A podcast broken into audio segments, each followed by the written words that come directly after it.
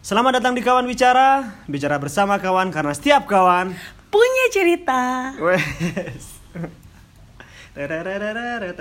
Roll Ntar Bumper terus Nah sekarang saya sudah bersama kawan Eh ini termasuk saudara sih bukan kawan.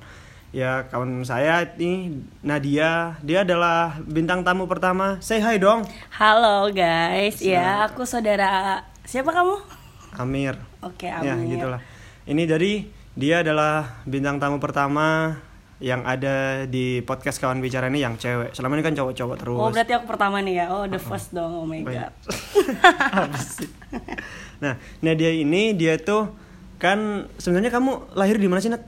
Aku lahir di Surabaya. Oh, lahir- Hero City gitu loh. Heeh, lahir di di Surabaya, terus besarnya di Di Bogor. Bogor. Terus sempat mondok di Di Madura. Madura. Terus sekarang kuliah di Kuliah di Jakarta. Jakarta. Terus rumah di Bandung. Gila kan gue Nusantara banget gitu loh. apa sih? Kan aku dibilangnya Nusantara sama teman-teman. Nah terus kamu kan ini sekarang kan eh, lagi kuliah kuliahnya kuliah apa Eh, aku jurusan pendidikan anak usia dini. Pendidikan anak usia Pendisi- dini. Pendidikan guru guru. anak usia dini. oh. PG PAUD. iya iya. Aku kok agak gini ya. Apa ya? Aku mau nanya apa ya? Santai. Bella. cut cut cut. Oh. Ya, jadi apa nih pembahasan kita eh, di podcast kamu ini sekarang? oh pendidikan anak oh P- P- PG PAUD Iya, betul. Oh bener sekali. Jadi itu gimana sih? Kan kayak pendidikan aku agak bingung sih. Kayak pendidikan tuh harus beda banget ya antara pendidikan anak usia dini, terus ada yang PG SD, PG SMP ada. Enggak dong. Gimana? SMP itu kan eh jadi gurunya netral. Pokoknya dia Hmm. dari pendidikan gitu. Kalau PG PAUD itu maksudnya PAUD itu pendidikan anak usia dini. Nah, Heeh. anak usia dini itu tidak hanya anak PAUD. Kan biasanya di sini kayak PAUD itu sebelum TK kan. Heeh. Ternyata itu salah, persepsi orang-orang tentang itu tuh Oh. salah. PAUD itu dari 0 sampai 8 tahun itu dikatakan anak usia dini gitu. Jadi sampai kelas berapa itu kalau- kalau SD? Kelas 2 SD. Oh berarti kelas 2 Nah, SD. Jadi iya. kalau misal guru dia mau ngajar SD kelas 6 dia udah apa jurusannya harus harus apa? Nah, kalau itu kan PGSD ada tuh. Kalau kalau Oh. eh, PG PAUD boleh ngajar sampai kelas 2 SD. Nah, setelah itu lalu apa PGSD. Oh. Kalau PAUD kalau tapi kan ini, kebanyakan kalau SMP, SMP, SMK gitu guru biasa, guru pengajar. Iya biasa dia yang penting dia dari pendidikan kan dan sesuai bidangnya misalnya dia guru Oh. IPA ya ngajarnya IPA juga gitu. Maksudnya jurusannya gitu loh IPA terus dia masuknya juga IPA. Hmm, Jadi kamu khusus buat anak-anak kecil. Nah, usia iya. berapa? 0 0 sampai 8 tahun. sampai 8 tahun. Iya, betul. Kalau anak usia 0 mau diajarin apa sih? Ya dia kan eh, masih kalau misalnya dari 0 sampai 6 bulan itu biasanya kan nggak disekolahin. Tapi Oh. kalau misalnya itu kan parenting dari ibu ya gimana? Gimana Iya, sih? iya. Jangan gitu sih. Aku mau. Lucu. Amin. Ya udah ulang ulang ulang ulang. Oke, berarti sampai 8 tahun, ya kan? Berarti kelas 2 SD. Tapi aku tuh pernah dengar katanya tuh, kalau pendidikan kalau di di luar negeri nih, di Eropa atau di Amerika, mereka tuh justru yang buat anak usia dini itu itu gurunya harus benar-benar profesor yang kayak gitu daripada daripada kalau di sini kan kalau semakin naik semakin susah gitu ya. Kalau kalau di di Amerika itu katanya untuk jadi apa guru anak usia dini itu lebih susah Iya, daripada di usia di usia-usia setelahnya. Gitu. Iya bener banget itu soalnya kalau di luar negeri itu kan eh, apa yang ngajar anak PAUD itu malah kayak profesor yang udah handal banget mengatasi dan tahu perkembangan anak ya. Nah, sedangkan di Indonesia ini salah banget menurut aku sih salah banget ya. Karena aku juga baru tahu pendidikan anak usia dini tuh bener-bener berpengaruh banget untuk perkembangannya nanti di kehidupan selanjutnya gitu ya. Yang long term memory apa tuh? Eh, nah, anak kecil itu kan punya long memory sama pokoknya intinya bahasa Indonesianya ya, long memory dan eh panjang memori pan, jangka panjang dan memori jangka pendek. Nah, Heeh. di usia 0 sampai 5 tahun itu perkembangan perkembangan anaknya tuh sangat pesat banget terus dia tuh bener-bener merekam apa yang dia lihat apa yang dia rasakan Heeh. jadi di situ tuh namanya golden age gitu Oh, jadi, masa masa-masa keemasan. kemasan bener-bener Nah, iya. apa yang dia sam- apa yang dia tangkap ya udah itu ntar sam- sampai gede kebiasaan-kebiasaan Nah, itu. iya, pasti Itulah dia kenapa kalau di luar negeri kayak gitu. Heeh, di luar negeri itu penting soalnya itu yang membentuk mentalnya, iya membentuk kebiasaannya, karakter, eh, karakternya. karakter anak itu terbentuk waktu 0 sampai 5 tahun itu jadi hati-hati banget Iya. Jadi untuk pembentukan itu tapi kan kalau di sini pembentukan karakter tuh kayaknya waktu SMP deh. Waktu Nah iya apa, itu salahnya orang karakter. Indonesia dan di Indonesia itu salahnya guru PAUD itu tidak disejahtera sejahterakan gitu Ya loh. kalau itu semua guru dong. Ya enggak. Honorer gitu-gitu Tapi kan ada kasihan. yang PNS, tapi se- sedangkan PAUD itu gak ada guru PNS. Iya? Belum ada. Oh, Makanya kalau misalnya gurunya aja sejahtera, gimana? tidak sejahtera. gimana? Kalau gurunya tidak sejahtera, gimana dia mau mengajarkan anak-anak gitu? Dia aja pikirannya di rumah, ya buat makan aja gak ada. Apalagi dia nanti di batin kan kayak gitu Ah, tuh. ah, Nanti ah, bener-bener. ke Jadi anaknya kerjanya, gimana? ker- kerjanya tuh masih ya pasti itu. gitu ya. Pasti ngefek pasti lah. ngefek Yang ke kinerja hidup. guru. Bener banget. Hmm, yang kayak gitu-gitu. Berarti eh kalau kebiasaan-kebiasaan anak itu terbentuk, terus kalau selanjutnya usia selanjutnya emang nggak nggak ngaruh ke ini. yang ngaruh juga Maksudnya cuman kan, dia kan ini anak kan, anak itu biasanya bergaul lebih apa ya? lebih banyak Pertama pertama kali bergaul-gaul lagi tuh waktu SMP kan. Nah itu, Itu kalau SMP nggak? kan pubertas masa-masa Oh. pubertas Kalau pubertas sih yang penting apanya? Kalau, kalau tadi kan yang pendidikan kayak dasar, mulai mental, sopan santun. Terus apa kalau SMP? kalau SMP kan jadinya eh, ibu itu ibu bapak itu pengawas gitu jadi diawasi jadi sahabat gitu Oh. tapi kalau anak-anak itu kan kita itu apa ya benar-benar dicontoh apa apa aja misalnya ibu Ngebentak. ibu itu misalnya suka buang sampah sembarangan ya anak juga gitu bapak juga misalnya bapak suka mukul orang tuanya Hmm. mukul istrinya ya pasti anak juga kayak gitu karena apa yang dilihat dia dan itu menurut dia itu benar kan anak-anak itu kayak nggak punya saringan Emang gitu iya loh Aku aku tuh mikir ya selalu gini. Jadi anak-anak yang ngelawan sama orang tuanya, terutama sama ibunya, itu biasanya karena bapaknya ini melihat Ah, enggak, Bap- bapaknya ini ser- sering ngebentak gitu loh. Oh. Jadi kalau misal ada suami itu ngebentak istrinya, di depan, di depan anak, anak. anaknya, Oh, selalu iya. pasti anaknya tuh ke ibunya kurang respect gitu. Kebanyakan sih gitu. Kasus aku yang aku temuin loh, nggak nggak tahu faktanya kayak gimana. Iya sih tergantung tapi kalau kayak gitu tuh. Kalau misalnya dia lihat kayak gitu, biasanya sih nggak ke ibunya tapi ke orang lain. Hmm? Misalnya dia ke temennya gitu, dia ngelihat bapaknya ngebentak ibunya, terus ibunya tuh eh, misalnya seneng atau gimana ya nggak mungkin seneng juga sih nangis misalnya. Nah nanti dia itu pasti tertanam di dirinya kalau aku ngebentak orang, pasti orang itu nangis dan orang itu takut sama aku.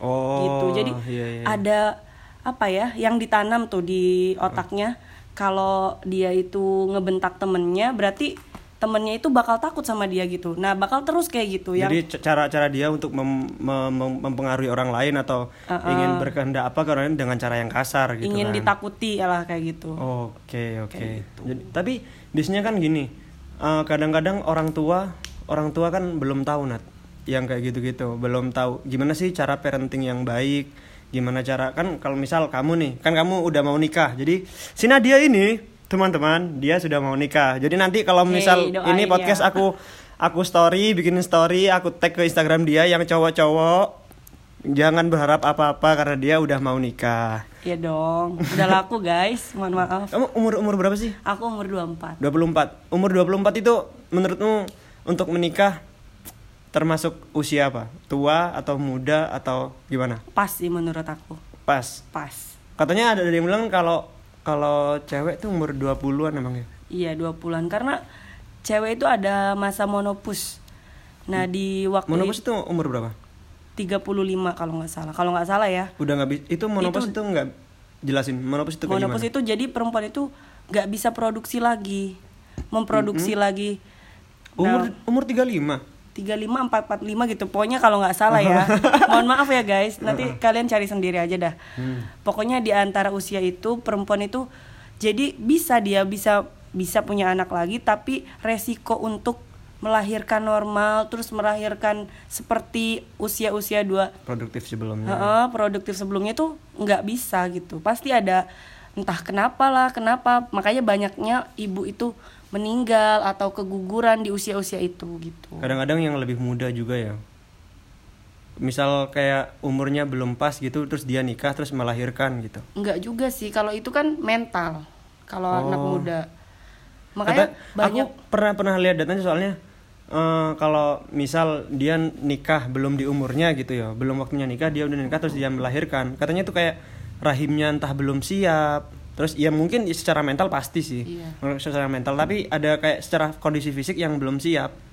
Kalau umur menurut perint- pemerintah kan umur 19 ya? Ya barusan. Kalau kalau dulu kalau dulu kan 17 Heeh. enggak 16 sebelumnya tuh. Oh iya ya beneran jadi Oh, berarti aku yang kurang baca nih. Ha, yang yang cowok itu 19, yang cewek itu 16. Gitu.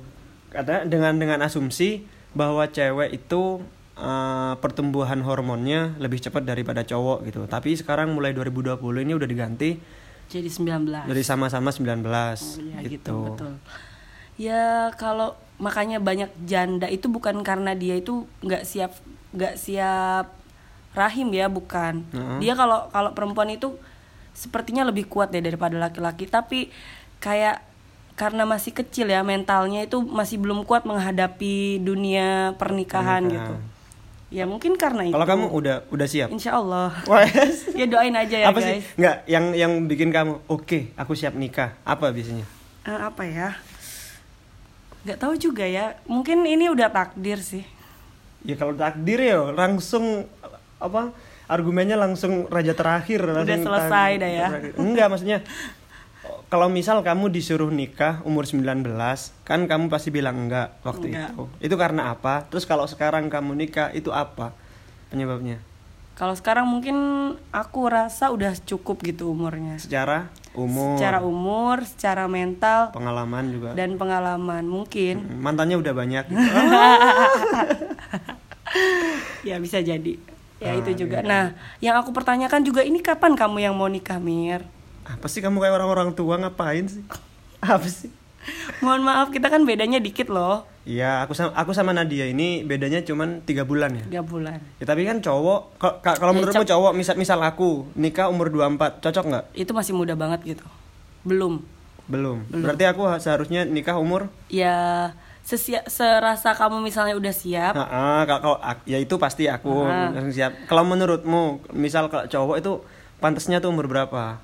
Sebenarnya 25 itu udah pantas sih 25. Heeh, karena cowok kan nggak ada masa monopus mau kamu sampai tua pun ya kamu masih Produktif. bisa produksi bukan produktif produksi guys Oh iya, produksi. Heeh, betul Bikin pabrik anak lah ya. iya gitu loh bener Benar sekali. iya makanya Tapi resiko-resiko kan banyak orang yang ya udah dia nikah duluan yang yang penting eh, jangan punya anak jangan punya anak dulu gitu. Menurutmu gimana? nah kalau misalnya menurut aku sih ya kalau mau nikah ya berarti siap punya anak dong gitu Heeh. terus lu tujuan mau nikah apaan kalau emang lu gak mau punya anak gitu Ya kan kan ada yang lagi ngetren sekarang kayak jangan pacaran, nikah dulu baru pacaran gitu. no mau pacaran dulu gitu misalnya ya kalau pacaran dulu ya emang iya boleh misalnya bukan nggak mau kan berarti dia menunda punya anak Heeh, ya iyalah, iya menunda. Menurutmu Kak kalau yang kayak gitu gimana? ya itu menurut aku wajar-wajar aja karena emang apalagi Tapi di Islam itu kan, kan di di usia muda. Misal dia nikah umur 17 terus tapi oh ntar tapi aku nggak apa kok nikah usia usia muda tapi ntar punya anaknya pas umur 20 gitu. ya bisa jadi aku juga punya teman-teman yang kayak gitu kok rata-rata kan di sini kan kayak main jodoh-jodohan dan itu eh, usia 17 tahun itu udah rata-rata misalnya udah kebanyakan ya orang teman-temanku dulu dan mereka itu udah menikah di usia yang 17 tahun itu nggak mungkin mereka itu punya anak karena mereka masih asik main, asik pacaran gitu kan. Iya, iya. Nah, mereka ambil keputusan untuk KB. Nah, itu ke- menurut aku keputusan KB itu salah sih. Kenapa? Kan itu Ya. anjuran pemerintah. KB itu kan setelah punya anak dua kalau kalau kata per- kalau anjuran pemerintah. Loh, kan ada kata pemerintah tuh yang punya anak satu terus direncanakan. Misal mm, punya anak pertama nih Yang lima penting kan udah punya anak. Oh. Kalau sebelumnya itu rahim itu kering. Jadi eh, apa ya kemungkinan untuk punya anak itu susah. bahkan temenku sekarang tuh dari aku kelas 3 SMP berarti umur berapa ya kira-kira umur 16 tahun ya 15 tahunan lah ya 19 tahun nikah? Iya dia lulus SMP nikah terus dia KB setelah itu dia sampai sekarang dia belum punya anak. Karena itu karena KB Kenapa ya? rahimnya kering. Ya rahimnya kering. Nggak bisa. Tapi ada Hmm. juga yang maksudnya beruntung gitu ya. Kenapa? Rahimnya ada di Papua? Ah nggak ada air. Gimana gimana? Iya dia ada yang temanku yang beruntung banget juga. Dia KB selama lima tahun dia gak punya anak. Setelah itu dia punya anak. Nah itu ada yang kayak gitu ada, Ada- juga yang maksudnya beruntung nggak beruntung tapi gitu? ke, keba- ya terlepas dari keberuntungan. Misal gitu tuh kebanyakan emang itu penyebab jadi nggak punya anak atau gimana sih? Ya nggak juga sih. Takdir. Ya jangan takdir dong. ya enggak enggak Apa? ya maksudnya selain takdir ya. Iya iyalah. Ya kadang kan kalau kayak maksudnya maaf ya dalam kurung mandul gitu itu kan biasanya bawaan juga misalnya keturunan gitu loh. Ada Oh. juga yang kayak gitu. Tapi ada juga dari diri sendiri misalnya Hmm. emang penyakit kayak apa ya rahimnya harus ada apanya misalnya. Kan itu juga mempengaruhi kita bisa punya anak apa enggak gitu. Oke oke. Lagian ya kalau misal eh maaf Umur- ya umur- kalau umur- ada yang salah tolong dikoreksi. Soalnya aku juga bukan ahli medis. Wes iya pendidikan makanya aku mau mau balik ke ini mau balik ke pendidikan anak. Iya. lagian yo katakanlah dia nikah umur 17 terus langsung punya anak dia apa secara parenting belum cukup informasinya ilmunya kayak gitu nggak tahu cara ngurus anak cara ngurus ini itu kan ma- makin bahayain buat anaknya kan ya Iya benar banget. Tapi kan sekarang tuh banyak banget sekolah-sekolah yang menyediakan Heeh, menyediakan menyedi menyediakan parenting gitu. Jadi bukan anaknya aja yang sekolah, tapi orang tua juga sekolah gitu. Maksudnya bukan sekolah belajar ABC lagi ya. Sekolah di mana ibu orang tua itu diajarkan untuk mendidik anak yang baik gitu loh. Mm-mm. Jadi nggak semena-mena. Iya kalau kita dulu kan dididik pokoknya eh, takut sama ayah, ya kan? nurut Harus nurut sama orang tua. Kalau nggak nurut dicubit, pokoknya dipukul. berguna bagi bangsa negara dan agama Iya, ya tapi abstrak nggak- gitu Tapi yang itu tuh di, gima- gimana gimana caranya agar anak itu nurut nurut, terus karakternya tuh baik, apalagi anak itu punya sembilan kecerdasan loh. apa-apa apa aja sembilan kecerdasan dari Nadia Maharani Loh bukan dari Nadia Marani dari oh iya, iya. dari ilmuwan-ilmuwan. Oh, oke oke gitu loh ada kecerdasan linguistik ada kecerdas kecerdasan matematik ada kecerdasan seni terus apa lagi ya banyak banget dah aku lupa deh. Oh, nanti oke. deh aku buka-buka lagi ya bukunya. Apa ya ntar berarti yang ini yang pendengar kalau mau cari ada sembilan kecerdasan anak. Nah, itu nah, aja yo nah itu Nggak anak itu bi- jadi gak semua anak punya semua kecerdasan itu gitu. Oh misal kayak kayak aku waktu kecil dulu ya dicap goblok karena nggak nggak tahu nggak pintar di matematika, misal. matematika. Nah itu. Anak itu kan macam-macam. Misalnya eh, anak ini nggak pintar di matematika, nggak pintar di bidang sekolah gitu. Maksudnya apa Heeh. pelajarannya tuh nggak. Iya. Misalnya nggak ranking satu lah, nggak pinter matematika, bahasa Indonesia, bahasa Inggris enggak. Tapi dia mungkin ada sisi lain. Misalnya kan masih ada ke- sembilan kecerdasan ini. Coba dites satu-satu. Misalnya dia lebih suka musik oh dia menonjol di musik nih berarti itu kecerdasan dia yang harus dikembangkan oleh orang tua gitu tapi kan pendidikan kita kayak mengharuskan itu misal kayak ujian nasional ada tiga mata, mat- mata pelajaran itu. Misal ada harus ada bisa matematika. Nah, iya kan itu di Indonesia. Kalau di luar kan enggak. Tapi ya eh, karena kita kan emang orang Indonesia gitu loh ya.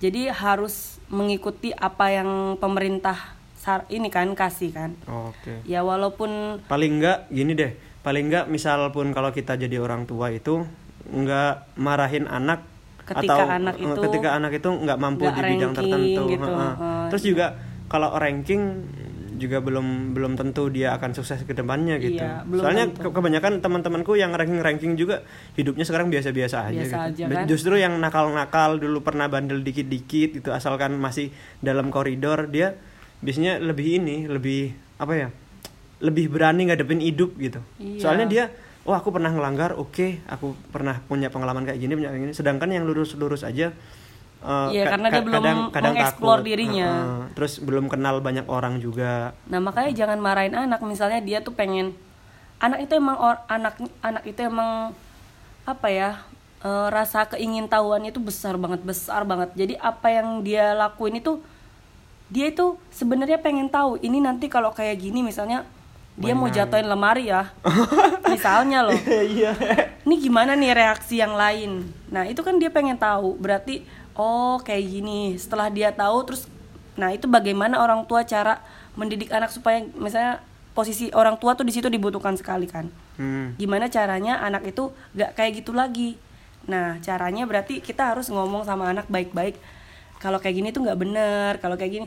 Sampai anak itu mengerti sebab dan Tapi kan akibatnya. misal aku mikirnya gini, misal anak kayak tadi tuh sampai ngejatuhin lemari atau gimana. Kadang kadang anak kan juga nggak nggak nggak bisa nat kalau mau dibilang langsung ini tuh nggak bener, ini tuh kok gini. Iya, bukan Karena kayak gitu. kadang-kadang kata-kata kan juga nggak nggak mempan ke mereka kan, harus kan ada aku bilang tindakan. sebab dan akibat misalnya kalau anak itu dia tuh maunya yang real gitu yang nih misalnya kamu bilang eh Allah anak aja pada pasti bingung kan gimana jelasin anak tentang Allah padahal Allah itu gak nyata gitu kalau Heeh. Nah, gimana caranya itu kayak gitu? Nah, kita itu benar-benar nih, kenapa ada hujan, kenapa ada angin? Itu karena ada yang menggerakkan. Siapa yang menggerakkan itu Allah. Allah itu emang nggak kelihatan, tapi ada gitu. Oh, i- Jadi itu sebab juga sih dan akibat. mengenalkan mengenalkan konsep Tuhan ke anak tuh. Nah, iya itu susah susah, sih. banget sebenarnya. Cuman Soalnya mereka kan pasti pakai pakai imajinasi kan. Aku pernah ke ponakanku tuh bilang, Allah, oh Allah itu cowok ya tinggi besar gitu kayak. Sedangkan kita di agama juga apa tidak boleh memikirkan secara visual bentuk Tuhan itu kayak kayak gimana gitu. ya kan aku bilang tadi sebab dan akibat. Jadi anak itu benar-benar mau misalnya kamu jatuhin lemari, nanti kena kaki gitu. Oh ntar sakit. ntar gitu. sakit gitu. Tapi aku pernah punya apa dapat pelajaran gini sama ada satu salah satu guruku. Misal kamu punya anak, dia udah usia sekitar lima tahun gitu ya. Misal dia mecahin mecahin gelas nih, mecahin gelas. Iya. Waktu dia mecahin gelas, itu jangan cuman dimarahin terus, "Weh, kono iku mecano gelas kono kono kono kono."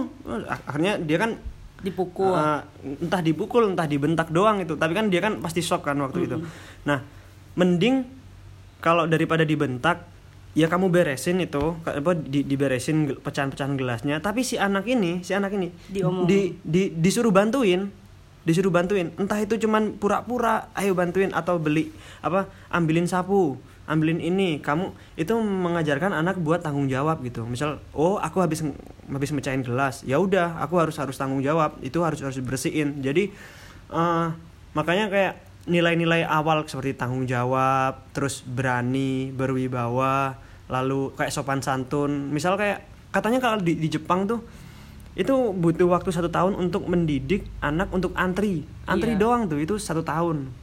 Iya itu karena susah banget menerapkan itu.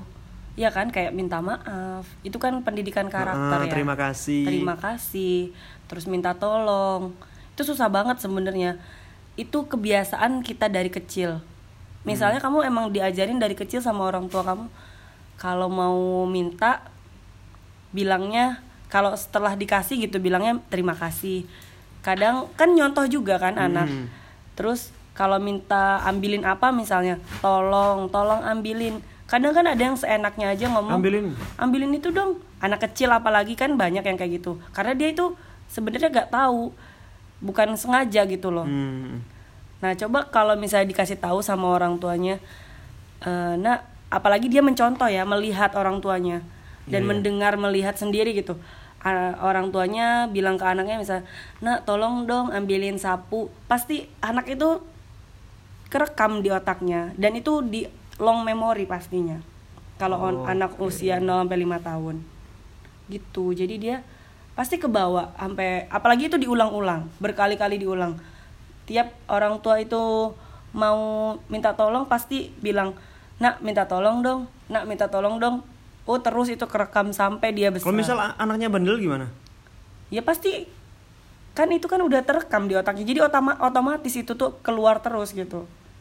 Contohnya aku nih. Iya bener orang tua aku tuh dulu sering banget ngajarin aku untuk minta tolong, terima kasih. Cuman aku nggak pernah bilang bener-bener teorinya ya. Hmm. Nah kamu kalau bilang ke orang harus bilang setelah harus bilang makasih, harus bilang assalamualaikum aja harus bilang ini nggak pernah cuman aku melihat melihat orang tuaku kalau minta sama aku bilang makasih gak malu gitu. Jadi orang tua kan kebanyakan orang tua itu malu. Bilang makasih sama anak sayang sama anak gitu. Terutama Padahal itu biasanya nggak sih boleh. ini, apa, Eh, itu laki-laki nggak- ya. nggak ma- apa sih nggak berani gitu ngomong kayak gitu malu gitu. Padahal kan itu kebiasaan yang buruk banget itu. Harusnya kan kita ungkapkan gitu rasa itu.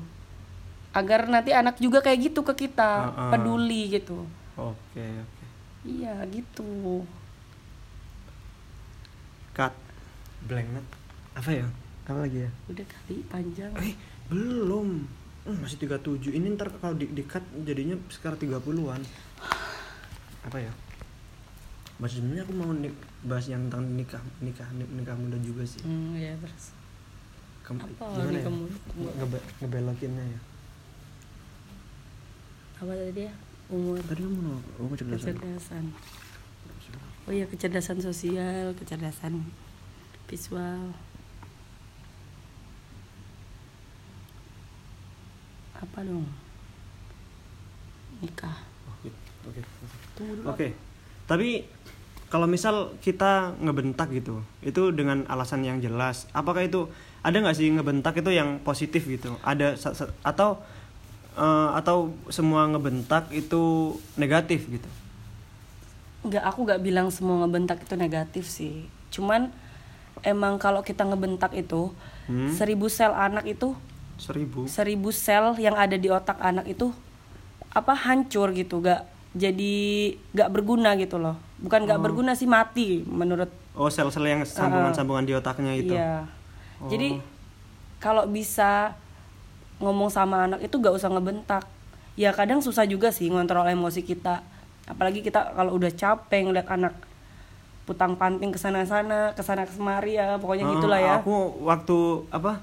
Jangankan anakku sendiri ya yang nggak nggak nggak tiap hari. Misal kayak ponakan gitu waktu apa pas waktu capek terus ngapain itu pasti langsung refleks ngebentak itu apa tanda-tanda kalau aku tuh masih belum siap punya anak ya? Enggak tanda-tanda kamu tuh harus belajar lagi tentang parenting gitu loh Ya, iya makanya aku harus belajar dulu. Berarti ini menjawab pertanyaanmu tadi kenapa aku nggak nikah nikah oh iya bisa jadi. Ya ya betul belum betul, betul. nikah berarti ya udah aku belajar dulu parenting. Makanya ada psikologi parenting terus ada psikologi pranikah. Hmm, maksudnya gimana? Gimana nah gimana? psikologi pranikah itu jadi di situ kita diajarin aku juga cuman tahu sekilas aja ya nggak semuanya gitu. Karena aku juga belum pernah ikut itu. Belum pernah ikut itu karena Secara- kelasnya secara mahal banget guys. Iya? Mahal 2 juta 2 juta 4 juta gitu-gitu. Pokoknya berjuta-juta lah. Buat buat pranikah doang? Buat ikutan pranikah. Emang tapi bener-bener kita tuh diajarin di sana masalah-masalah setelah nikah. Jadi apa aja yang ada di pernikahan ini Hmm. ada masalah-masalah apa aja yang harus dan itu kita dikasih dikasih pengatasannya gitu. Oke. Eh, apa ya solusinya. Misalnya Oh, tapi pasti kalau ada masalahnya yang ini yang program pemerintah harus ada sertifikasi sebelum nikah kamu setuju nggak itu? Enggak ribet banget ya. Kenapa? Karena aku mau nikah. Eh, iya tapi kan mereka kan pasti kayak pemerintah pengen memastikan bahwa si anak apa si dua pasangan ini benar-benar udah siap, siap, gitu. iya sih bagus juga sih. Cuman men- aku tuh nggak mau ribet. Aku sih yang nggak siap gitu. Males banget kan ngurus-ngurus kayak gitu. Ah, iya emang emang paradoks sih. Di, di di satu sisi di satu sisi menurutku yaitu perlu. Ya Buat- perlu buat- banget sebenarnya. Cuman Hmm. aku males gitu loh. Tapi buat orang Indonesia pasti perlu banget. Mm-mm. apalagi yang minim gitu nggak tahu. yang yang kedua, aku yang memikirnya adalah ya ntar gimana sih? Misal itu kan surat untuk menikah kan ya? Mm-mm. Surat seperti menikah. Nah, sekarang loh, sistem birokrasi kita kayak surat untuk mengemudi aja, SIM tuh. Kan ada nyogoknya, ada Iya, banget ya. ada yang kayak gitu-gitunya. Ya itu lah ntar malah jadi ladang. Ya aku bukan mau negatif thinking itu ntar apa. Cuman kalau dilihat dari track record birokrasi kita Iya, selama karena ini sebelum gitu. sebelumnya udah kayak gitu ya Mm-mm. Jadi ntar itu cuman buat ladang untuk orang-orang cari duit tambahan gitu. ya moga aja amanah sih cuman ya gimana dari dulu juga kita udah husnuzon ya sama pemerintahan Hmm. kalau gak akan ada kayak gitu tapi tetap aja selama aku besar gitu dan aku mau buat KTP mau buat ini buat itu semuanya pasti ada kayak gitu Iya, masalahnya ya, ya kenapa banyak orang ngawur di jalan misal. Itu ya, ya karena SIM-nya nembak gitu. Dan ntar dia pun punya apa sertifikat nikah tapi kalau itu dia nggak Ya. nggak melalui nggak menjamin juga sih Heeh, dia punya sertifikat, sertifikat itu. nikah tapi dia nggak maksudnya dia ngerti juga. Kadang kan ya ngelihat kita aja misalnya kita ikut seminar kita juga nggak sepenuhnya merhatiin kan? Karena fokus anak aja nih anak punya fokus 30 menit. Kalau nggak salah ya 30 menit di awal itu fokus anak. Setelah itu anak buyar. Jadi makanya sama kayak orang tua juga orang tua juga bisa sih fokus lama cuman pasti kan kalau kayak nggak diselingi dengan Enggak, itu- apa gitu Itu emang kalau di banget. aku belajar di ilmu public speaking ya. Kebetulan aku fokus ilmu komu- komunikasi. Jadi orang tuh misal kita mau ngomong yang paling penting itu adalah 10 sampai 15 menit awal. iya kita 10 ini garing nggak sih kayak gini Nggak tahu. Enggak takutnya orang-orang jenuh gitu ngomongin eh apa dengerin kita. Ya udah biar anu banyak pilihan podcast podcast podcast, podcast lain nggak apa-apa. ya udah pokoknya ini aku udah ini ya udah, Udah menumpahkan anggaplah menumpahkan. Ya kayak gitu. Jadi misal orang tuh sampai fokus mereka maksimal ada yang beda-beda sih. Ada yang 45 sampai 60 menit. Setelah itu mereka harus ada ada tambahan gitu loh ada tambahan yang lain. Ice apalagi breaking gitu Ah, kenapa podcast banyak pendengarnya? Soalnya podcast itu cuman suara doang. Banyak sekarang banyak peminatnya gitu loh. Karena misal orang sam- bisa sambil mengemudi misal kalau kalian lihat YouTube gitu ya misal itu yang berisi yang berat banget itu. Itu pasti jenuh. mereka di di cut cut gitu loh. Hmm. di cut cut supaya supaya apa? Kayak contoh podcastnya ini Deddy Kobuzer. Mhm. selalu dia nggak pernah di atasnya 40 menit itu karena apa? Karena fokus kita ini orang dewasa aja itu itu mentok di 45 menit. Pasti di awal-awal pasti apa ya kalau clickbait clickbait di YouTube gitu kan mesti di awal-awal pasti 10 detik awal 5 detik awal itulah kenapa eh, iklan di YouTube itu juga 5 menit ya pokoknya 5 detik gitu. Itu itu konsentrasi orang dewasa apalagi kalau anak gitu kan. Kalau anak terba anak 30 detik. 30 detik. Eh 30 Oh, menit. 30 menit 30 menit iya kalau nggak salah jadi 30 menit. tapi kan kalau sekolah-sekolah gitu misal kelas 1 SD itu jam 7 sampai jam 12 ayo. Kan makanya kalau di TK itu kayak diseling, diselingi oleh sama tepuk tangan sama nyanyi-nyanyi itu kan hiburan sebagai ice breaking gitu kan. Oke oke. Nah setelah itu baru kita ka- sampaikan materinya paling cuman 30 menit gak nyampe kadang setelah itu kita kan cuman menjelaskan. Aku kan pernah jadi guru juga ya. Mm-mm. kita menjelaskan misalnya materi kita hari ini tentang tumbuhan. Tumbuhan kayak gini-gini. Apalagi dongeng yang kita lagi ngedongeng misalnya. Dan dongeng itu menarik gitu nggak kan Nggak ada garing. guru yang garing banget gitu. Gini Males-malesan cuman baca buat- buat buku nyeritain. aja. Misalnya dia baca aja nggak ada gerakan apalah. Kan itu sebagai biar gak bosen gitu. Heeh. Ngasih misalnya Jadi kita anak kasih tahu, boneka kan tangan anak anak-anak kan lebih nyampe ke visual kan daripada audio doang gitu Iya, makanya jadi guru PAUD itu susah-susah gampang sih. yes Karena dia harus kreatif. Terutama itu pertama. Karena setiap hari kan materi beda-beda ya. iya Mau hari ini melukis, besoknya bercerita, besoknya eh, apa? Misalnya apa? Paint printing, Mm-mm. terus oh banyak lah pokoknya setiap hari tuh beda beda ini, beda materi. Nah, kita tuh hari ini udah ngajarin melukis, besoknya kita harus mikir lagi nih yang inovasi baru lagi untuk mengajari anak-anak itu. Dan itu gak bosen gitu dan gak bikin anak-anak itu jenuh. Ya ngapain ke sekolah kalau bikin jenuh ya nggak sih? Iya, Di iya, rumah aja udah jenuh jenuh banget gitu ngeliat apalagi TV. ntar masih ini apa PR PR lagi kadang anak-anak tuh aku dulu yang ngerasa PR S- itu berat. SD itu iya SD berat gitu Iya, aku juga sih nggak pernah. Aku berat. tuh nggak pernah.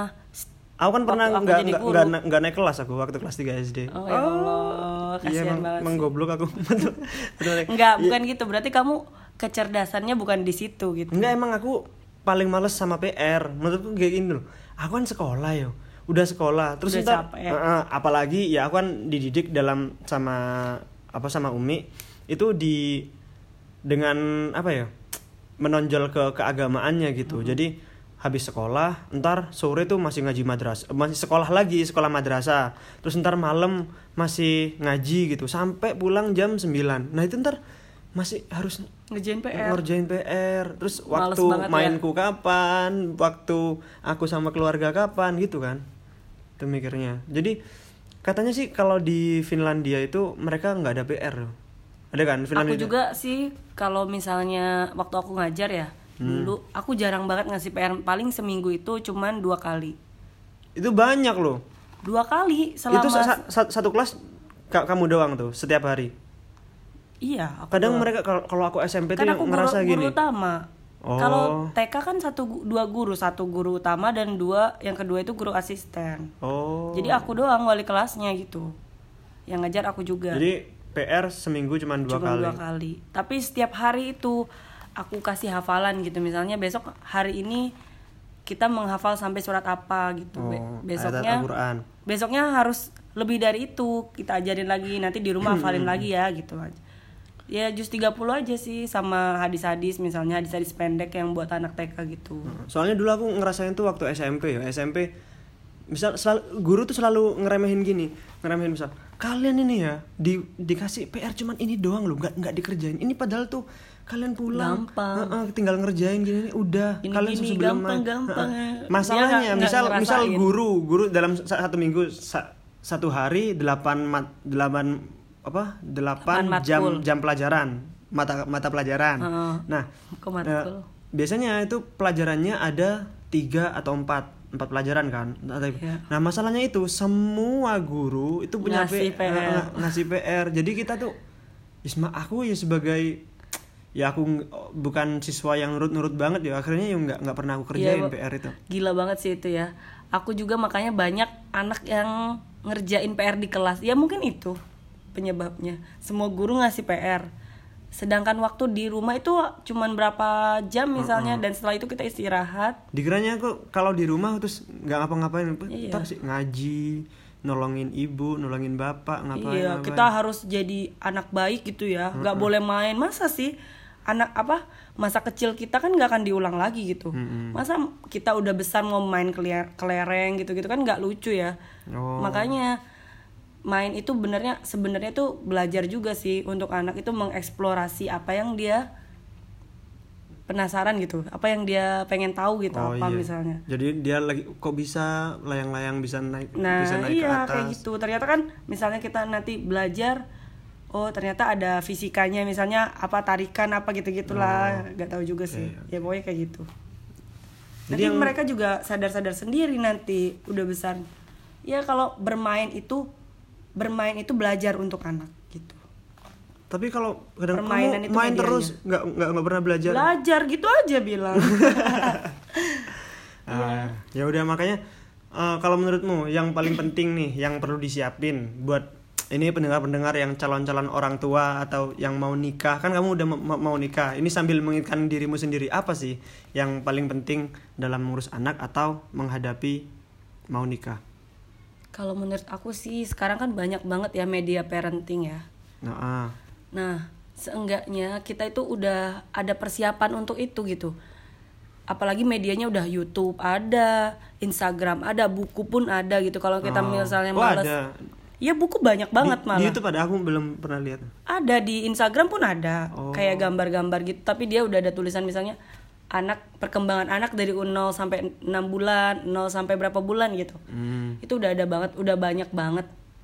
Berkeliaran lah, tinggal kamu cari parenting. jadi jangan malas-malasan buat cari info karena gitu, kita kan belajar eh tergantung dirinya sih misalnya kamu pengen nih kamu tuh pengen banget jadi orang tua yang ya anggaplah hampir sempurna ya kamu harus apa nih berarti kan kamu harus eh, misalnya belajar tentang parenting belajarnya dari mana? Kamu nggak ada waktu untuk belajar itu untuk sekolah itu gitu atau untuk ikut seminar itu.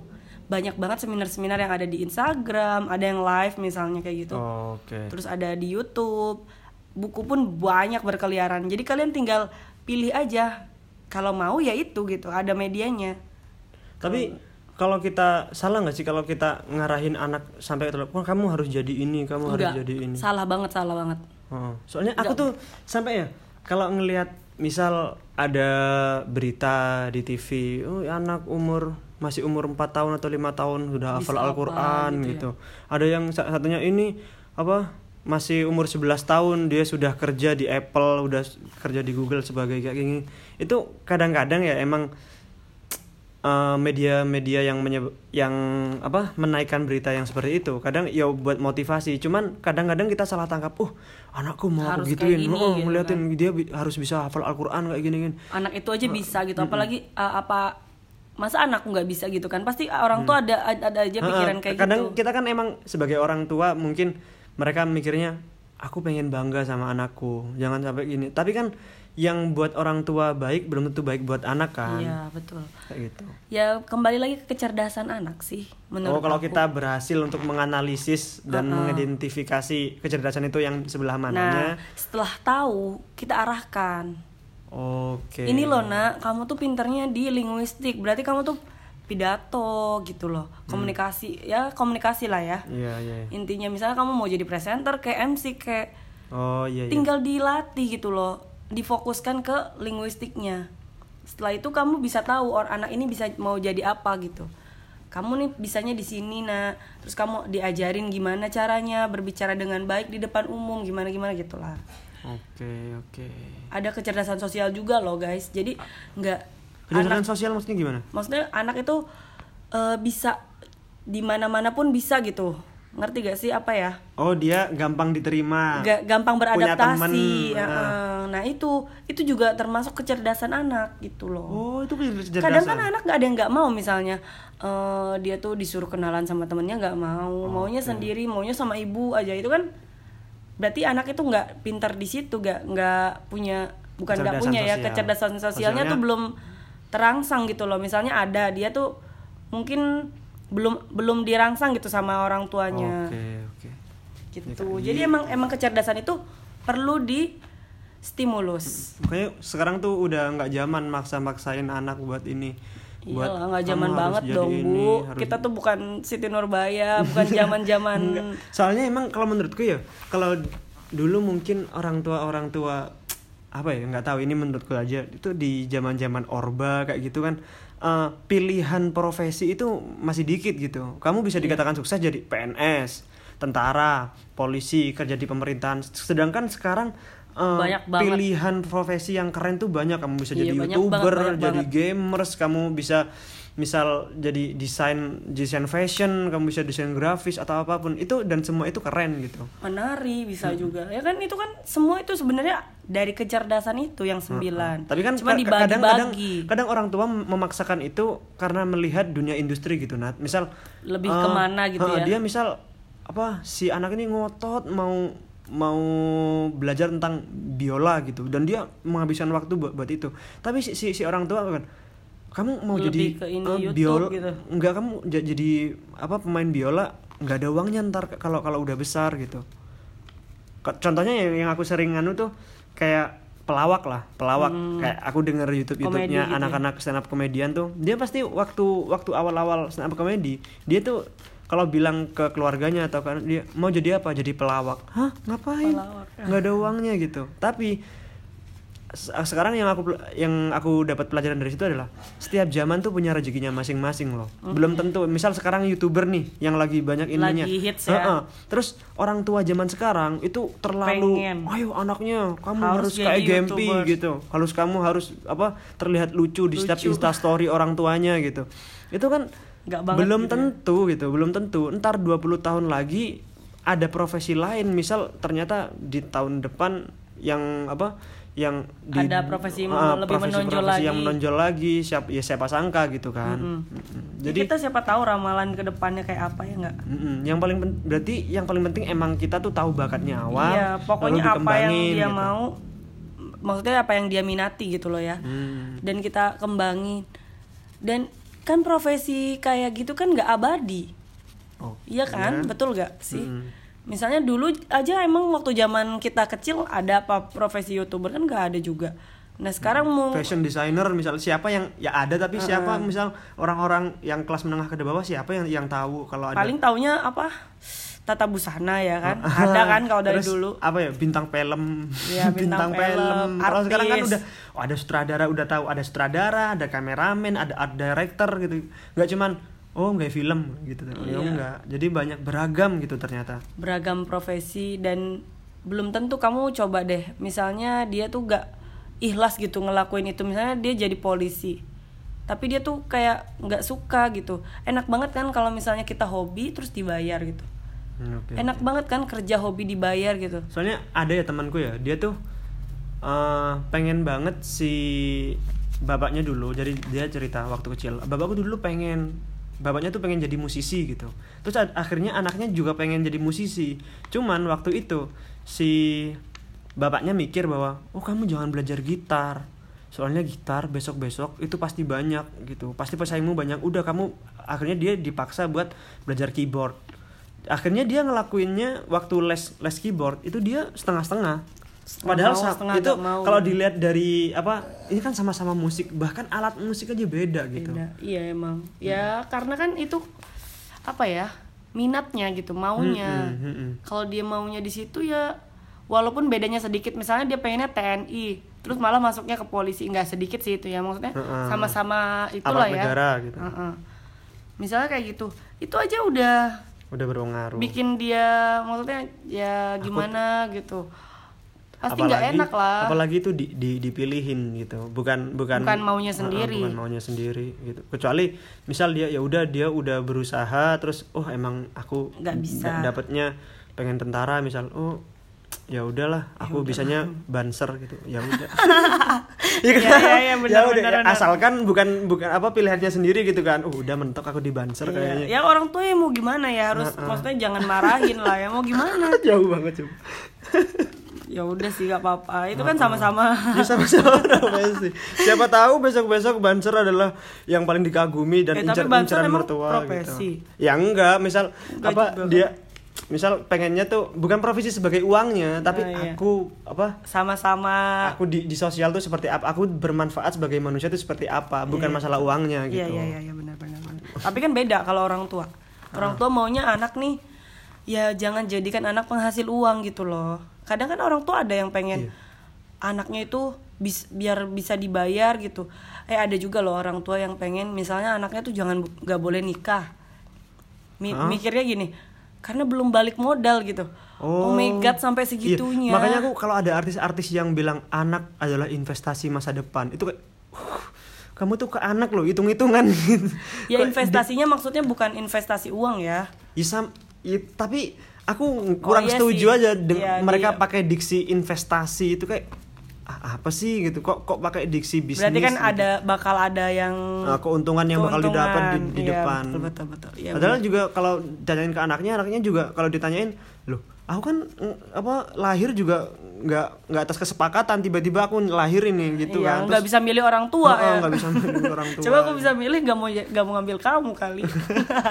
Karena lu apa bikin kita jadi investasi gitu kan aduh Hmm. nggak bener banget dah. Ya nggak tahu sih tergantung ya orang tuanya. Cuman menurutku pemikiran yang kayak gitu kan berarti makanya anak itu dijor-jor di apa ya bener-bener ditekankan harus ikut orang tua ya karena itu kali.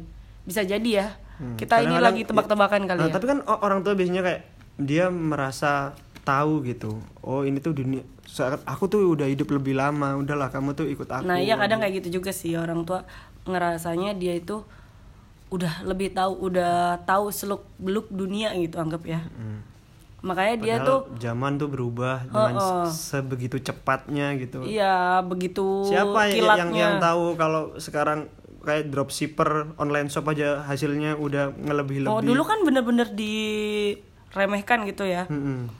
Hah drop apa dropshipper cuman kerja jualan- online kerja gitu online nggak sekarang. nyata loh jangan salah Heeh. uangnya nggak berseri guys mohon maaf Nah, gitulah.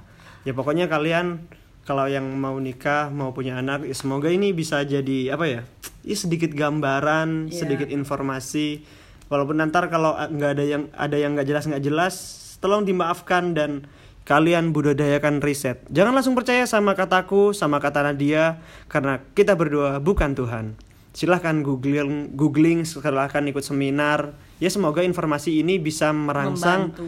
eh, ke penasaran kalian atau kalian jadi bisa lebih kepo gitu. Oh, aku kalau mau punya anak kayak gimana gitu kan Nat, ya? Seenggak, seenggaknya kita mencerdaskan orang tua orang tua yang mau jadi orang tua ini gitu. Heeh, kalau orang tuanya cerdas, Ngebuka- anaknya udah ngebuka pasti otak ya. cerdas. Anggaplah ya. Begitu. Jadi terima kasih buat Nadia Maharani yang sudah mampir di podcast Kawan Bicara. Semoga pernikahannya dilancarkan. Amin. Semoga pernikahannya jadi sakinah, mawaddah, warohmah. Amin banget. Amin, Semoga amin. dikaruniain anak banyak, soleh gitu loh. iya soleh. Pokoknya doain juga ya, guys. Semoga pernikahannya awet sampai tiga tahun. Eh, bege, kurang ajar. oh enggak enggak selamanya ya. Selamanya dong, iya. nenek kakek sampai sampai itu sampai jadi debu asik. Kayak gitu deh. Oh ya udah. Sekian dari saya podcast kami bicara. Tereret. Dengerin dong. Tiga lu tau Mi.